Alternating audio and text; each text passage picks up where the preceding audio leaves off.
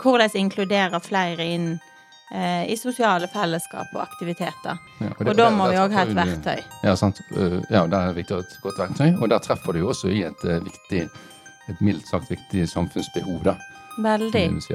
Og dette her er ingenting i veien for å gjøre for seniorer også. Så vi er jo litt ute etter den første kommunen som kan begynne å dele ut eh, digitalt eh, til aktiviteter for seniorer også. Ja, det var liksom dagens innsalg og reklame. Ja, sant.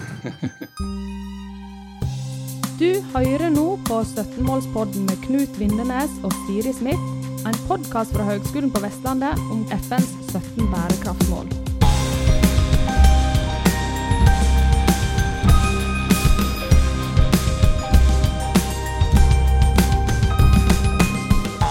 Hallo, folkens. Velkommen eh, til denne gang Sigrid Nedkvitne fra selskapet Friskus. Hallo, hallo. Tusen takk. Hei. Veldig kjekt å ha deg med her. Eh, Jeg må jo innrømme, Sigrid, at jeg er litt sånn starstruck, jeg. Nå Når jeg har en, eh, en flott gjest som, er, som driver et selskap, er gründer og, og, og gjør så verdiskaping, til og med innenfor det vi kan kalle sosialt entreprenørskap. Så jeg eh, har neskus eh, beundring eh, for det, for det du og, og andre gründere gjør, da. Bare sånn det er sagt. Tusen takk. Eh, og så er vi nå på Kronstad. Vi sitter på et møterom her. Eh, og du, Sigrid, du, du sa at du er, du er faktisk på farten til Danmark, du? På noe spennende der? Det stemmer. Det er en delegasjon som skal ned til Danmark og vise fram bl.a. helseinnovasjon, og snakke om hvordan man kan samarbeide på tvers av landene for å skape økt bærekraft. Ja, det treffer jo godt inn i dagens kontekst, egentlig. Ja. Det passer perfekt. Så det er ganske viktige folk som skal nedover, blant annet kongen og dronninga og næringsminister Det er såpass, ja. og mange. Ja. Ja. Også lille Friskus. ja. Oppfør deg skikkelig, da. ja.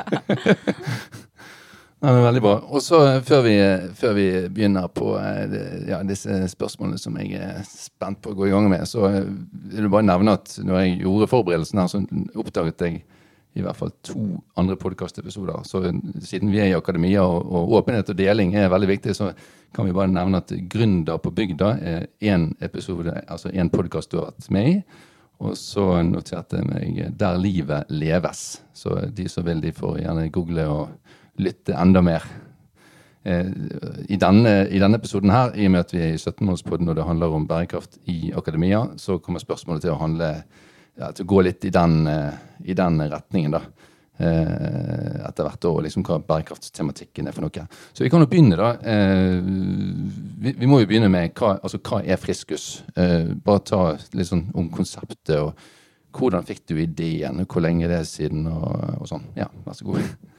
Det begynte jo Ideen begynte jo gjerne for veldig mange år siden når jeg arbeida i helse-, velferd- og omsorgstjenesten sjøl i kommunene. Jeg er utdanna barnevernspedagog, men har hatt veldig mye praktisk erfaring, arbeidserfaring, eh, som nå jeg bruker i å utvikle egentlig en aktivitetskalender eller en aktivitetsportal. Noen kaller det digital infrastruktur for aktivitet og deltakelse. Så det har utvikla seg for å bli egentlig et eh, koordineringsverktøy for frivillighet, til å vise fram aktivitetstilbud, til å også handle mer og mer om barn og unge, som egentlig er litt mitt hjertebarn, siden jeg er barnevernspedagog. Mm. Hvordan inkludere flere inn eh, i sosiale fellesskap og aktiviteter. Ja, Og, det- da der- må der vi òg ha et du- verktøy. Ja, sant. Uh, Ja, der er det viktig å ha et godt verktøy. Og der treffer du jo også i et uh, viktig, et mildt sagt viktig samfunnsbehov, da. Veldig. Så det siste vi har utvikla nå, det er rett og slett en modul for billett- og pengeutdeling. Så har allerede delt ut ca. 45 millioner kroner til barn og unge gjennom Friskus. Ja. Friskus fritidskonto. Så det har gått gjennom Ja. Friskus-portalen, Så da får alle barn og unge som der kommunen bestemmer at de skal få det, da, så får de en digital fritidskonto der det står penger på. Så de kan betale fritidsaktivitetene sine. Og dette her er ingenting i veien for å gjøre for seniorer også. Så vi er jo litt ute etter den første kommunen som kan begynne å dele ut eh, digitalt eh, til aktiviteter for seniorer også. Ja, det var liksom dagens innsalg og reklame. Ja, sant. For, her, for fordelen, altså En av fordelene med at det er digitalt, er vel også at det blir eh, litt mer sømløst og diskré og effektivt. Eh, Ja, absolutt. Og man også ivaretar personvern på en annen måte. For vi ser at det er ark og lister og lapper og skjema som skal fylles ut, det blir vanskelig. Eh, og det er ikke bra verken for innbyggere eller for de ansatte. Eh, blant annet når vi kartla det med pengeutdeling, så så vi at ca. 40 minutter per tildeling per person brukte kommunen på det manuelle arbeidet. Så her Ja. kan man spare enorme ressurser som man da kan bruke til folkene. Har dere, er vært inne det og, man- ja, har dere vært inne nærmest og målt litt, da? Ja. Ja. Det er sånn vi ofte jobber òg for å beslutte om vi skal lage noe. Det er jo å se på de manuelle prosessene, hvordan de fungerer, og om eh, de blir bedre av å digitalisere, så man da kan effektivisere arbeidsoppgaver også. Ja, nettopp. Du, disse var det 45 millioner du sa i sted? Altså denne, Ja. denne, denne pengestrømmen. Hvor mange cirka kommuner eh, snakker vi om da? Dette, altså, som er berørt, eller altså som Ja. har, tatt dette Eh, i bruk? akkurat den pengeutdelinga er det vel ca. 25 kommuner, tror jeg, som bruker den modulen nå. Så det er ganske mange penger som er gått til de barna i de kommunene. Ja, ja. Mm. Viktig verdiskaping. Du, vi må litt inn på eh, bærekraftsmålene eh, i denne bærekraftspodden. eh, du, har jo, du har jo et bevisst eh, forhold til, eh, til bærekraft, mer enn mange andre, tror jeg. Eh, så ser jeg du har sirklet litt på bære, altså FNs bærekraftsmål-figuren som ligger på bordet. Hva, hva tenker du Vi, vi kan begynne med hvil- hvilke av disse 17 bærekraftsmålene berøres veldig direkte, eller kanskje indirekte? Sånn som du Vi så jo etter vi begynte at vi berørte flere og flere av FNs bærekraftmål, de sosiale bærekraftmålene. Mm. Så du har jo alltid fra å utrydde fattigdom, sant? nummer én til nummer tre god helse, nummer fire god utdanning, nummer fem likestilling mellom kjønnene. Eh, Du har nummer 16 med fred og rettferdighet, og du har nummer 17 som handler om samarbeid. Eh, og dette har vi jo skrevet mye om i søknadene våre. Vi har jo vært veldig heldige å få mye offentlig støtte. eh, over ja, nærmere 15 millioner i offentlig støtte til utvikling. Ja. Og det handler jo om at vi treffer i forhold til FNs bærekraftmål. Her kan man få konkrete tiltak og verktøy for å jobbe lokalt. Nettopp. Men du, hvis vi tar en liten sånn syretest, for du, du nevnte bl.a. Uh, det målet som går på likestilling. Eh, nå er det sånn at jeg spør deg litt improvisert her, så jeg eh, forstår hvis du eh, må tenke det litt om. Men, eh, men eh, hvordan, hvordan ville du begrunne det hvis du skulle skrive en søknad nå? Eller Mm. hvordan går, likestilling inn i denne konteksten? Vi er jo veldig opptatt av at mennesker må møtes, og vi må få tillit og, til hverandre. Og vi må kunne få kjennskap til hverandre. Ja. Eh, og dette her er et verktøy som samler mennesker, eh, og gir barrierene mindre for å ta kontakt, og gjerne få toleranse for hverandre. For vi er ulike som mennesker, men vi har også veldig mange fellestrekk. Og vi er nødt til å beholde den ja, trene på empati og tillit i samfunnet, så er limen egentlig i samfunnet vårt for å bevare det trygge, bærekraftige samfunnet vårt. Hmm, nettopp. Så, da, så da, eh, da bidrar verktøyet til at både menn og kvinner eh, får, altså blir mer likestilte, da, rett og slett? Ja, I- det kan i- man si. ja. Mm. Mm. Mm. Og så nevnte du også utdanningsmålet. Eh, da var det antagelig ikke høyere utdanning du tenkte på. Da tenker jeg at man, når man skal utdanne robuste, friske mennesker til å fungere i samfunnet i dag, Mm. Så trenger man å ha den tette tilknytningen til lokalsamfunnet sitt. Eh, og det gjelder på egentlig mange områder. Så glemmer vi litt, tror jeg, den store verdien det har at mennesker praktiserer å være ute blant andre, eh, ha vennskap, eh, være frivillig, høre til i en organisasjon. Eh, alle de tingene som gjør at vi blir hele, velfungerende folk. Mm. Og, da, og da, er, da, er skolearenaen Da er sko eh, skolearenaen viktig. Uh, og den oppvekstreformen, eller barnevernsreformen som er kommet, uh, peker jo på det her med at uh, man må ha samfunnet rundt barna. De må ha signifikante andre, altså voksne som eh, gjerne de kan gå til hvis ikke de har trygge voksne hjemme. Så skal du gjerne høre til i en lag eller en forening der du har mening og mestring i hverdagen din. Ja, ja. Så det er viktig å knytte det tettere på. Jeg har eksempel på en kommune vi nå skal ha mm, tiltak i forhold til barnevernsreformen, eh, der de skal ha friskustimen i skolen. Man skal snakke om hvorfor skal vi være med på en aktivitet? Hvorfor skal vi være sosial? Hvorfor skal vi ha en venn? Er det noe her vi liker? eller er det ingenting vi er interessert i, så kan man ta opp Friskus på eh, tavla, og så kan man bla seg ned og så snakke om hva tilbud som fins. Og om det er interessant, om det er noe som er kult å gjøre til helga, f.eks. Ja, ja nå, nå svarer man- du på det jeg, eh, som da var oppfølgingsspørsmålet som jeg ikke tenkte å svare på. Hvordan dette i praksis skjer.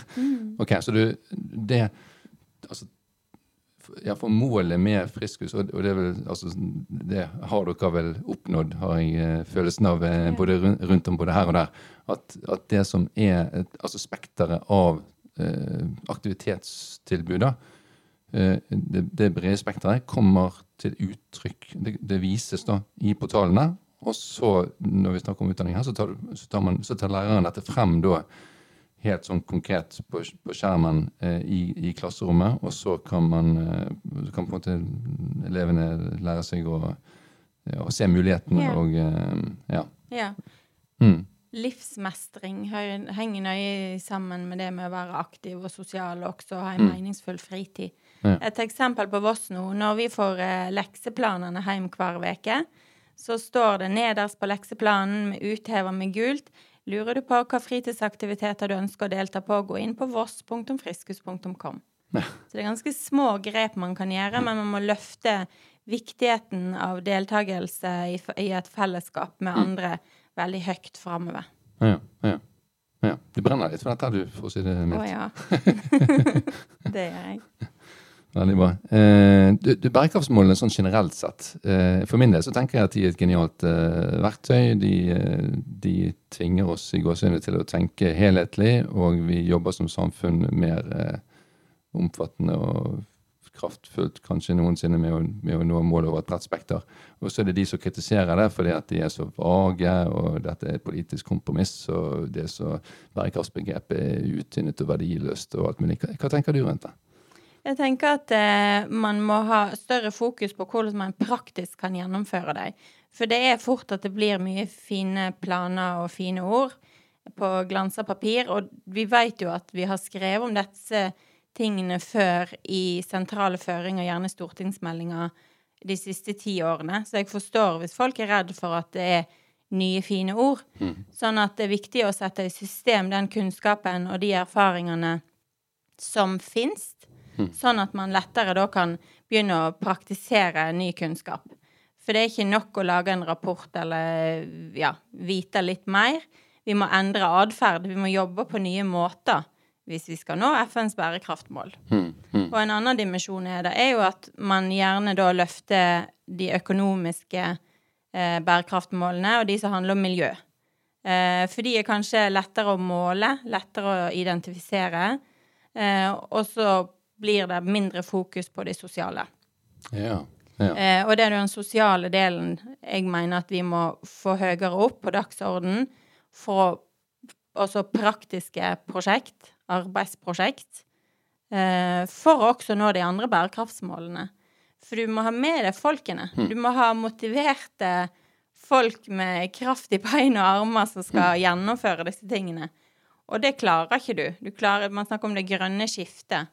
Men hvem skal det bestå av? De, den 10% som var utdanna i forhold til det, eller skal man få med seg hele befolkningen? Da må man kunne kommunisere, nå ut, ha forventningsavklaringer, kunne ha en samhandling. Også en samhandlingsplattform. ja. Så vi må tenke mye større, men også mer konkret for å nå FNs ja. Både større og konkret. Ja. Det, det høres litt vanskelig ut, men det går. Ja. For øvrig, så det du sier her, tenker jeg at vi berørte faktisk med en av de andre podkastepisodene som vi nylig har hatt, da, som vi kalte grønt sosialt eh, arbeid, eller som handlet om det. da. Så dette er en, eh, dette er en viktig tematikk. Eh, Men eh, altså, i, eh, i sosial bærekraft, for å kalle det det, ser du en positiv eh, trend? Eller hvordan er trenden nå de siste årene? Er, vi- som Altså, er, Norge, da, eh, for å si det sånn, blitt eh, Altså, vi er, vi, vi er jo både eh, Totalt sett så er vi et rikt land, sant? og så vet vi samtidig at det er mange som sliter på ulike måter. Men, men beveger vi oss rett retning i å forstå eh, forstå hva sosial bærekraft er, og betydningen av det, og jobbe konkret med det? eller? Jo, det tror jeg vi gjør. Og jeg ser òg en endring en vilje til endring etter korona. Ja. Eh, Det ble en litt sånn dvaletid i offentlig sektor fordi at man måtte bare ha fokus på eh, å håndtere den krisa. Mm. Men etterpå nå så ser jeg at man er vant til å snu seg litt raskere rundt, kanskje, og er nødt til å utføre ting som fører til resultat. Altså Så- man, man lærte det i koronaen? ja. Eller man, ja, altså, man ble litt mer digital. Sant? Det er Ja, lettere ja. å ha møte på video med folk. Og eh, man ser òg et større behov nå etter den kan man si, økonomiske krisa til flere har dårlig råd. Mm. Kombinasjonen av de to gjør at nå offentlig sektor er mer på jakt etter løsning og ønsker å handle raskere. Ja. Så jeg vil si vi er på sporet av noe. Ja, ja. Det var jo, eh, det var jo løfterikt. Det hørtes jo positivt ut. Um, ja, jeg hadde et spørsmål der. Status for uh, Friskus. Vi var vel litt inne på det i forhold Mm. til eh, antall kommuner og sånt. Altså, dere har jo nådd langt ut da, gjennom at, altså nasjonalt gjennom at mange kommuner har uh, tilsluttet seg. Altså, dere dere er vel avhengig av å få kommunene Det er vel den nøkkelen, eller det, det som er litt essensen med hele verktøyet, er det ikke det? Det er det. Vi eh, har spisset oss mot samarbeid med kommuner. Nå er vi snart 50 kommuner som vi samarbeider Så med. 50, ja. 50, Det var ja. Um, og for det er de som ofte er De er den operative eh, motoren ute i befolkningen, sant. De er lokalsamfunnet der de kan legge føringer. De har faktisk ganske mye makt til å lage gode oppvekstmiljø og gode lokalsamfunn for seniorer og voksne. Så de kan gjøre ganske mye. Så de trenger også et verktøy for å knytte folkene og mulighetene sammen. Og det er der vi da kommer inn og har samarbeid med kommunene. Fant dere ut, eh, Tenkte dere helt fra starten av at kommunen er helt alfa og omega, her, eller, eller var det noe som vokste frem etter hvert? Nei, det var noe jeg har vært veldig bevisst på hele tida. Jeg har jo jobba som leder i kommunen i nesten 15 år, og veit, har erfart, at vi har mye handlingsrom. Vi kan gjøre veldig mye for at innbyggerne våre har det bra. Mm. Så jeg tenkte at de var nøkkelen til å samarbeide med deg, da. For, Ja. for vi gjør jo det her for befolkningen, at vi skal få et eh, mer trygt og bærekraftig eh, samfunn. Er, dette eh, Altså, når du lykkes med å, å rulle ut, for å bruke det ordet, et, et verktøy som dette her, er det også et uttrykk for at koordinering og samhandling er er har en høy viktighet, og at uh, budsjettene ikke alltid er det eneste som uh, teller, på en måte. Altså Skjønner du hvor jeg vil hen? Altså, eh, ressurssiden. Sant? Altså, de økonomiske, altså Kommunenes budsjetter er jo selvfølgelig viktige, og ofte så skrikes det jo på eh, ressursmangel. Eh, sånn og sånn. Men, men eh, her er det vel litt sånn også at altså Det vi snakker om her, er vel at eh, den, altså samordningen, altså informasjon og koordinering, sånn som Friskus handler om her, og det er andre aktører i markedet også som tilbyr løsninger eh, eh, Den helt praktiske og effektive og konkrete samordningen har også sin verdi. da, Det er vel det vi Ja. eh, snakker om her. Ja, her har man jo en, kan man gjøre en liten investering, sant? der noen da står for Hvis de kjøper lisens, så står jo vi for drift, vedlikehold, teknisk support, kjøre nye innovasjonsprosjekt for å utvikle.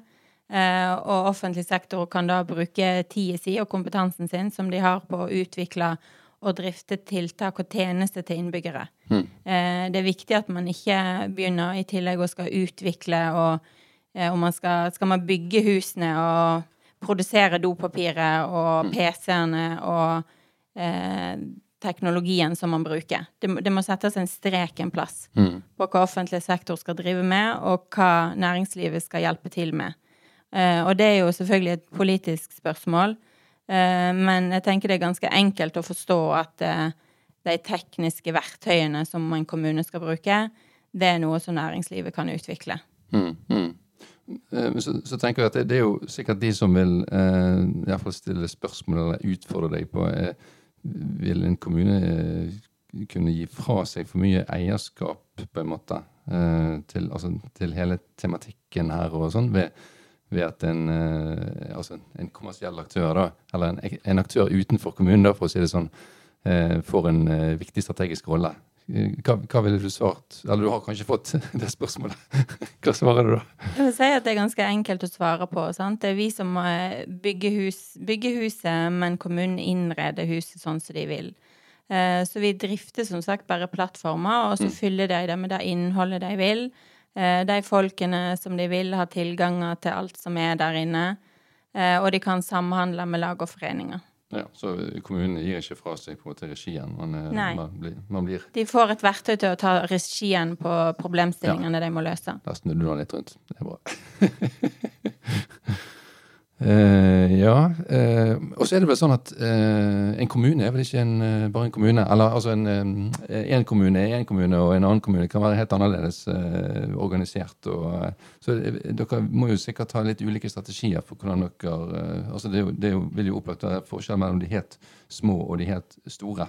Men det er kanskje andre typer forskjeller også, så dere har sikkert eh, noen ulike strategier i skuffen. Det har vært veldig viktig for oss å lage ei universell plattform, mest mulig hyllevare, ja. som da skal kunne gjøre det mest mulig økonomisk gunstig for kommunene å ta det i bruk. Mm. Eh, det hadde vært veldig dyrt hvis hver kommune skulle utvikle sitt eget, eller også ha veldig store tilpassinger. Ja. Så vi har brukt heller mye tid og ressurser på å finne det alle kommuner trenger hvordan skal det da være? Hvordan skal du ha en plattform kan, der du kan ha en seniorsatsing og en ungdomssatsing i samme plattform? Går det an? Var det en del kommuner som stilte spørsmål om i begynnelsen. Ja. tenker det er veldig viktig å legge til rette for senior eh, Nei, med generasjonsmøte på tvers i ei plattform òg. Um, ehm, så Men når vi prater med folk eller kommunene, så er det jo ulikt hva vi snakker med dem om det er jo litt at det, Sånn som seinere i dag så skal jeg ha møte med en kommune som ønsker egentlig å ha et verktøy for å samle og kommunisere med pårørende. Ja. Eh, og det er satsingen. En ønsker å samle de digitale grupper mm. og informere om aktivitetstilbud som skjer inne på institusjon. Ja. Men det, selve dialogen med de pårørende blir vel ikke digital? Eh, gjerne? Eh. Jo, de kan eh, kommunisere ut meldinger om eh, forskjellige tilbud som ja. finnes. Men ikke selve samtalene, håper jeg? Eller? Nei, de kan legge ut informasjon om at eh, nå kan du ha mulighet til å være spisevenn i morgen ja, tidlig, ja, sånn, ja. eller sånn, du kan uh, være med på hagefesten, eller det kommer en julekonsert der vi ønsker alle pårørende og alle beboere på institusjonen skal være med. Nettopp. Sånn type informasjon. Så du, kan, du kanalisere Altså du, hva skal jeg si, du får beskjed om at det blir treffpunkter, fysiske møtepunkter, der og der. Eh, så det er ikke det at du skal chatte deg eh, som pårørende frem til eh, altså, ja, det, det, altså, dialogen, eh, dialogen som sådan blir ikke fulldigitalisert. Eh. Ikke personsensitive data har vi i plattformen vår. Så det er ett eksempel. sant? At det er pårørendedialog for å systematisere den. Det er jo flere kommuner som har det i planene sine, at de må gjøre noe med det. Eh, og så har man også det kan være ungdomsklubber eller eh, familier med låg inntekt. Der ønsker man å tilgjengeliggjøre de type aktivitetene, og gjerne gi støtte til deltakelse. Ja. Så er det den delen av plattformen de bruker. Så har man ulike moduler man slår på eller av. Men hovedkonseptet er jo da at lag og foreninger skal være der, de kommunalt ansatte skal være der, og innbyggerne skal være der. Og mm. du kan være der inne om du flytter til en annen kommune, så har du er, er plattformer der. Du bytter mm. bare adresse framme. Ja. Så du, du, flytter fra si Drammen, sant? Mm. Drammen.friskus.com. Så flytter mm. du til eh, Trondheim. Så trykker du trondheim.friskus.com .com, og så flytter du videre til Tromsø. Så, så det er det samme adresse. Men du er nødt til å flytte til en annen kommune da med Friskus implementert? Det var litt, litt ja, spørsmål. Men eh, nå eh, satser vi jo på at det er jo ikke lenge til at det er nasjonal infrastruktur. Så neste år, kanskje. Ja, kanskje. ja.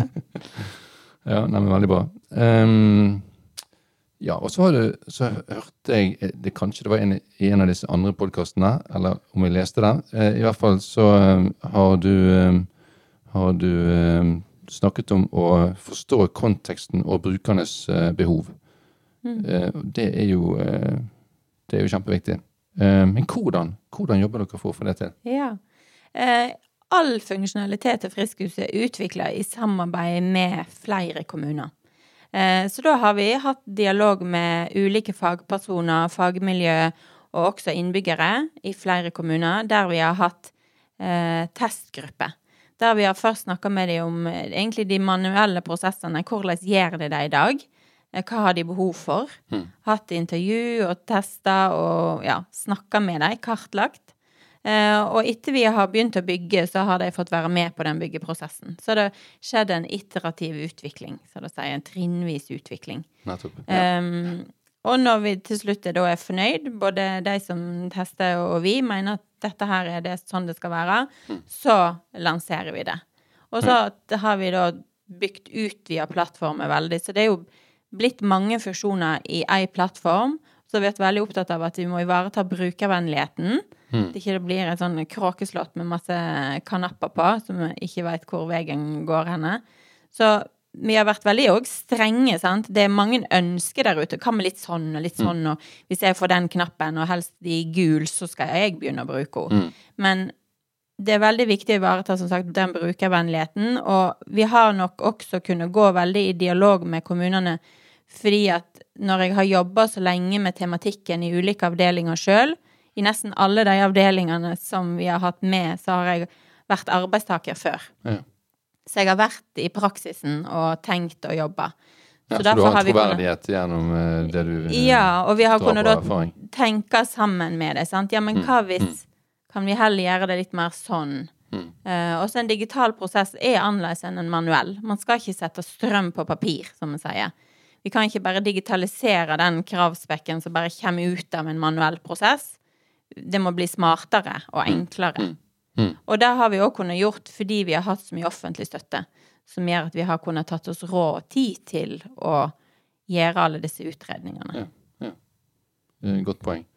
Men du, eh, jeg har jo et eh, Jeg lurer jo også litt på det med altså hvordan, hvordan det er å være entreprenør. Og så, og så tegner du jo på en måte her et bilde av at, at du har lyktes. Og, og det har jo Friskus. Altså det, det viser jo eh, Status for hvor dere er nå, viser at dere har lyktes. Men, men det, det har nå sikkert vært eh, motgang og nedturer også. Jeg vil jo tro at altså, brukervennlighet eh, har, har det vært utelukkende ros og suksess på det, eller har det vært noen tilbakeslag eh, innimellom òg? Selvfølgelig, en gründerreise er jo Det er jo en berg-og-dal-bane, sant. Men det er jo den Jeg får høre nå at det, det er viktig med den staminaen, får jeg høre. Altså du må stå i det, og du må ha utholdenhet, og du må tåle sånn jevnt et slag på trynet. og så må du tåle det og gå videre, fordi du må være så trygg i deg sjøl på hva som skal gjøres. Eh, og det var derfor jeg begynte òg, fordi at jeg var så veldig bevisst og klar over hva offentlig sektor måtte gjøre nå, da. Ja. I forhold til den digitale um, verktøyet. Mm. Så vi har, men i forhold til det med, med å utvikle, så har vi jo justert hele veien, sant. Og det er jo ferskvare. Ja. Det er jo Det må justeres og utvikles. Så vi har jo bygd plattformer to ganger, for eksempel.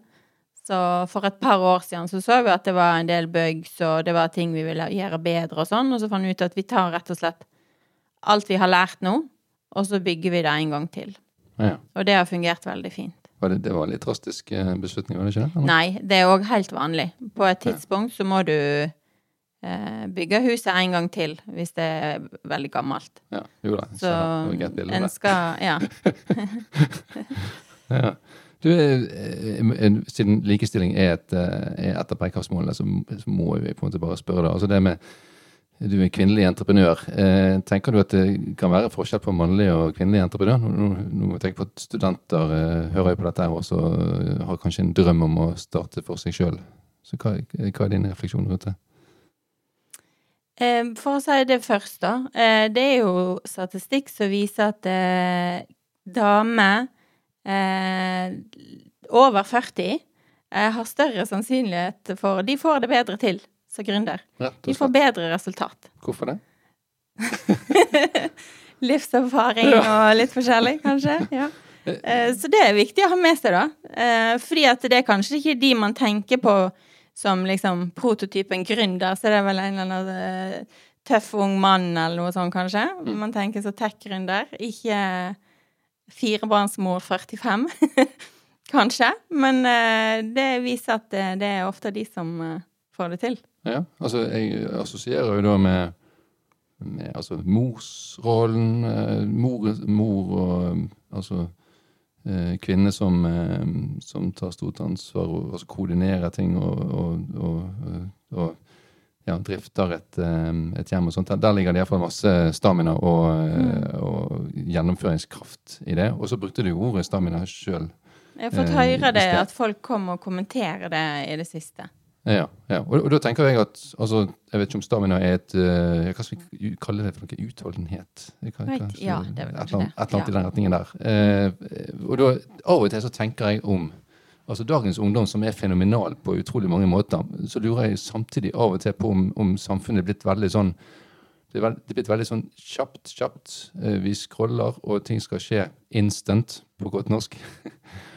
og Eh, stamina, vil, vil, altså i den grad man skal tolke det hvis man er 23 år f.eks. i dag, betyr det at man skal da være utholdende i én måned, og så, eh, og så, er jobben gjort. Og så tenker jeg, og du ville helt sikkert sagt det samme, vil jeg tro, at nei, her, her snakker vi om år. Det kan være mange år. Eh, mm. man må holde ut. Man må Eh, tro på det man holder på med, og, eh, og så tar ting tid. Ja. Er ikke litt der vi er? Jo, det er helt der vi er, og ting tar gjerne dobbelt så lang tid som du hadde håpa. Mm. Eh, men det er jo òg forskning som sier at implementering av verktøy i offentlig sektor tar ca. seks år. Nei, sju år, lurer jeg på om jeg hørte. Ja. Eh, så jeg sier til kommunene vi har god tid, det kan ligge helt i rute. Fordi om jeg har veldig lite tålmodighet i kroppen, så minner minner meg på det når jeg syns ting tar lang tid. Men eh, en trenger nok òg, hvis du snakker lurer på hva studentene skal tenke, så er det noe i tillegg til den fagkompetansen de får i studiet sitt, så er det nok også å gjerne få seg noen arbeidserfaring, og gjerne ha praktisert eh, det de ønsker å innovere på etter hvert. Mm. Det er vanskelig å være en innovatør på noe man egentlig har bare lest om. Ja. Det er jo kjempegodt poeng. Det tror jeg ikke jeg vil anbefale. Ja. De studentene som tar seg en del verv og sånt utenfor, jeg, jeg tenker for sånn at det, er, det kan gå litt på bekostning av karakterer, men, men det er en viktig uh, kvalitet uh, og ja, erfaring. Det er jeg helt enig i. Ja. Mest mulig arbeidserfaring på ulike områder som omhandler det du skal innovere eller bygge videre på seinere. Ja, ja.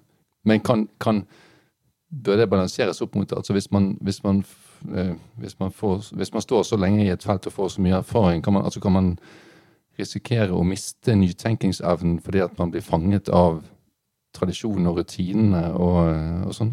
Ja, det, det, møter vi jo også, og den redselen for det nye, sant. Og skal mm. man òg anerkjenne at kanskje ikke det man holdt på med, var helt rett, hvis man skal tørre å gi slipp på det og heller ta inn det nye, sant. Så det er jo òg en prosess i offentlig sektor nå, der mm. mange ansatte må anerkjenne at OK, vi skal heller jobbe på litt andre nye måter nå. Ja. Eh, og det knytter redsel til det nye.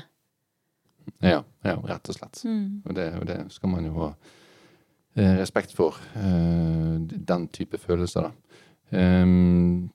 Du, studentene eh, og, og, når de skal se fremover, altså hvilke kompetanser nå spør jeg i flertall, da.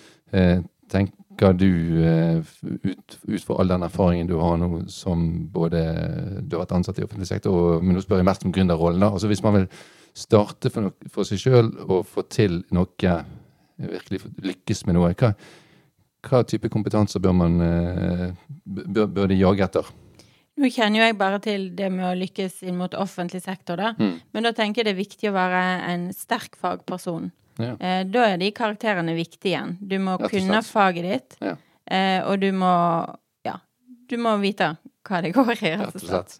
eh, I tillegg så er det den arbeidserfaringen. Du bare har praktisert mm. det du kan i teorien. Ja. Så de to tingene tenker jeg er egentlig det viktigste. Og så må en være veldig løsningsorientert. Mm. Eh, du må regne med at du får de mest utenkelige problem i fanget når som helst hele tida. Ja. Som du må bare løse der og da. Ja. Så du må òg Og der òg kommer jo arbeidserfaring inn. Sant? Hvis man har hatt lederstillinger med mye ansvar før, så er man vant til å håndtere og kunne ta beslutninger. Noen eh, med grundige prosesser i forkant av en beslutning, og noen ganger raske beslutninger. Så det er òg noe som man ha, trenger å ha litt sånn trening på, tror jeg, før man eh, begynner. Jeg blir faktisk ganske ofte kontakta av eh, personer som har begynt som gründer, starta seg i lite bedrift, og lurer på hvordan jeg har gjort det. Ja. Hvordan snakke med offentlig sektor, hvordan Mm. komme i kontakt, hva skal, hva skal de gjøre? Hva svarer du da? Noen ganger så tar meg faktisk tid til, faktisk nesten alle gangene så tar meg tid til et videomøte, Ja. der jeg viser deg litt og forteller, tipser deg om eh, hvordan jeg skal gjøre det i forhold til søknader og sånn. For det er en del ting man rett og slett ikke tenker på hvis man ikke har jobba i offentlig sektor. Så du gjør det, altså. Du, du, du, bruker tid. Eh, Ja. går, går skikkelig. Det er jo fantastisk bra, da. Det er jo Ja. Det, det er jo, for du er jo en viktig rollemodell. Eh, Så det er jo å bruke litt eh, Spandere litt tid, investere litt tid i de som eh, ønsker å Og det er, jo, det er jo modig når de bare tar kontakt med deg, tenker jeg. Eh, sant? Og at du, at du responderer sånn, det er jo, er jo veldig bra, da. Um, du, vi må jo inn litt på dette med Eh, tiden løper jo vanvittig fort, som alltid. Uh, det, dette med innovasjon og eh, akademia og forskning, der eh, har jo du også dine erfaringer på det. Eh, um, hvis vi begynner med det da med, med, med forskningen. Mm. Der har du vært, der, der har Friskus vært engasjert i, i prosjekt. Og så fortell litt om hvordan det har gått, og eh, hvordan, eh, hvordan dere har fått anvendelse av resultater og sånn. Jeg ser du smiler litt nå. Vi har jo eh, helt ifra starten av eh, hatt med oss for ulike forskningsinstitusjoner. Så vi begynte jo da med Sintef. Mm. Eh, og regionalt forskningsfond som innvilga midler til det. Eh, og så har vi etterpå hatt flere prosjekt med Norse. Eh, Mm. Og Høgskolen var også med i et av dem. Eh, Høgskolen så- på Vestlandet. Ja. Høgskolen på Vestlandet. Um, og jeg ser jo at det har òg gitt anerkjennelse fra, også, eller fra kommuner Mm. at vi har de type forskningsprosjektene også. Ja, det, det, det øker på Det en legitimiteten. legitimitet, ja, ja. for at vi får til sånne type samarbeid også. Så det har vel kanskje gjort det òg litt lettere for oss å få til samarbeid med andre kommuner. Ja. Um, så jeg tenker det har jo vært viktig, og vi har jo blitt løfta eh, Fått løfta en del tematikker i de prosjektene. Mm. Eh, men så ser jeg òg at den eh, praktiske uh, testingen og tette dialogen med kommunene har nok vært det viktigste. Det er det som setter kursen uh, for hva som har blitt utvikla, da. Så, Så vi veit så mye fra, Vi vet så veldig mye om denne tematikken fra før, så vi har også kunnet anvendt den. Så, så, så den tette kontakten med kommunen og altså samarbeidspartnere eh, i, i prosjektene da, som dere har hatt, har vært egentlig viktigere enn forskningen som dere har eh, vært del av, på en måte. Ja, det altså, kan man også. altså dere har ikke, dere har ikke Og så var vi litt inne på før vi, eh, før vi startet eh, opptaket, at eh, eh, Altså eh, ja, altså forsknings, eh, Det har ikke kommet forskningsfunn nødvendigvis som har eh, hjulpet dere helt konkret, da, på en måte. Nei, det er ikke det. Ja, ja, ja.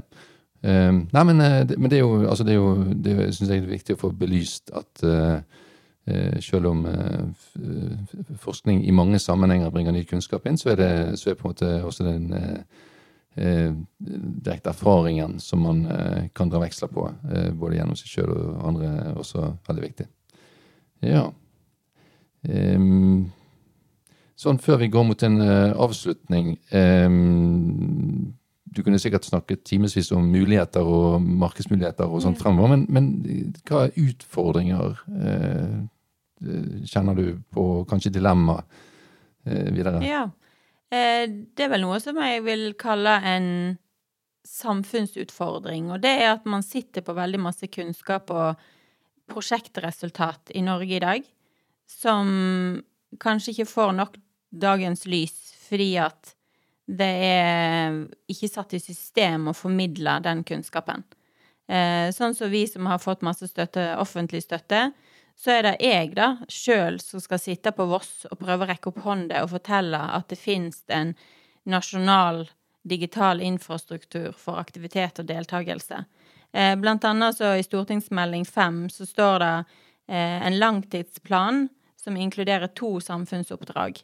Det ene, kraftet, ene delen er bærekraftig fôr, men den nummer to, den heter inkludering av barn og unge i utdanning, arbeid og samfunnsliv. Sant? Her sitter vi på Voss med egentlig et uh, veldig konkret verktøy Mm. for å nå viktige samfunnsoppdrag. Men hvor skal jeg gå? Uh, det er ganske ofte jeg tenker om dagen at jeg kan ikke banke på ei ny dør Nei. og prøve å fortelle dette til enda et menneske. For det som skjer, det er at du skal snakke med først kanskje ett menneske i kommunen som ikke har beslutningsmyndighet. Så tar den kanskje med seg én eller to til. Så skal du si det samme der. Og så tenker de at kanskje her må vi finne noen som også har beslutningsmynde. Vi må ha et tredje eller fjerde eller femte møte om samme tema i én kommune. Vi har 365 cirka, er det, Ja, kommuner. Ja. i Norge i dag. Så det er krevende, det er krevende nå ut, selv om, eh, selv om Ja, det blir og- suksesshistorier langs veien. Ja, og grunnen til at jeg kan si dette i dag, er fordi at vi har lykkes. Vi er ledende på markedet. Vi har skapt et unikt produkt som kommunene sier ikke finnes i Norge i dag. Så de kan kjøpe direkte også. Så før så har jeg ikke tørt å snakke om det, for da, da tenker jeg at eh, folk tenker at det er noe galt. Men i dag, når jeg er så fornøyd med det som har skjedd, Ja. så kan jeg også løfte den tematikken. Hvordan skulle du vært ideelt sett på dette her, da? Jeg tror at alle som eh, holder på med gründerhjelp, eh, gründerhjelperne rundt om, de kunne jo hatt et eh, innovasjonsprosjekt på hvordan nå ut med prosjektresultatene som blir skapt. Kanskje det er neste.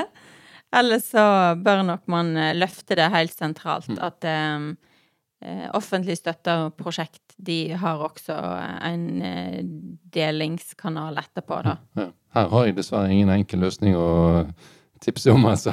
Eh, eh, Det er jo interessant det du nevner der, men jeg, jeg, tenker at, dette, at her er vi kanskje litt offer for uh, altså informasjonshavet. Uh, altså det, det er så enormt mye som skjer sånn totalt sett, og så er det vanskelig å nå gjennom selv med de beste prosjekter. Det er iallfall den første assosiasjonen jeg får når du sier det du sier. Og, men det jo men det er jo synd at det skal være sånn. altså det, er Litt sånn generelt sagt, så tenker jeg at det, at det er mange vanvittig gode mm, prosjekter, initiativer og sånt, som eh, likevel ikke når gjennom jungelen av, eh, av både nyheter og, og informasjon som vi alle drukner i hver dag. Og, og så er det alle mulige slags uvesentligheter som vi ender opp med å bruke mye tid på, mens virkelig nyvinninger og viktige ting de får vi gjerne ikke med oss i det hele tatt. Ja, jeg vil kunne si at det er et samfunnsproblem at Norge bruker milliarder på innovasjon og nyvinninger uten at man klarer å fange opp den nyvinningen i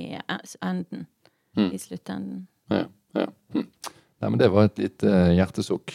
Um, uh, men um, jeg tror vi like fullt får eh, avslutte der. Og så er jo det altså det jeg sitter igjen med som hovedinntrykk, er jo at uh, hovedbildet ja, fra, fra samtalen her er jo at uh, du har du har lyktes med, sammen med dine folk med å skape noe som eh, et- en, en portal, og et system og en løsning som er utrolig viktig for eh, sosial bærekraft rundt om i kommunene.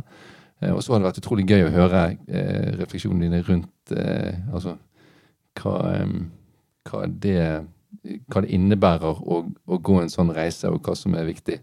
Det har vært utrolig kjekt. Så utrolig fint å ha deg her. Tusen takk. Det har vært en fantastisk reise, og veldig kjekt å komme innom deg òg på vei til Danmark. Ja, og, og god tur. Hilse kongen og dronningen. Takk. Takk for nå. Du har nå hørt en podkast fra Høgskolen på Vestlandet. Du kan høre flere podkaster fra oss ved å gå inn på nettsiden hvl.no. slash podkast.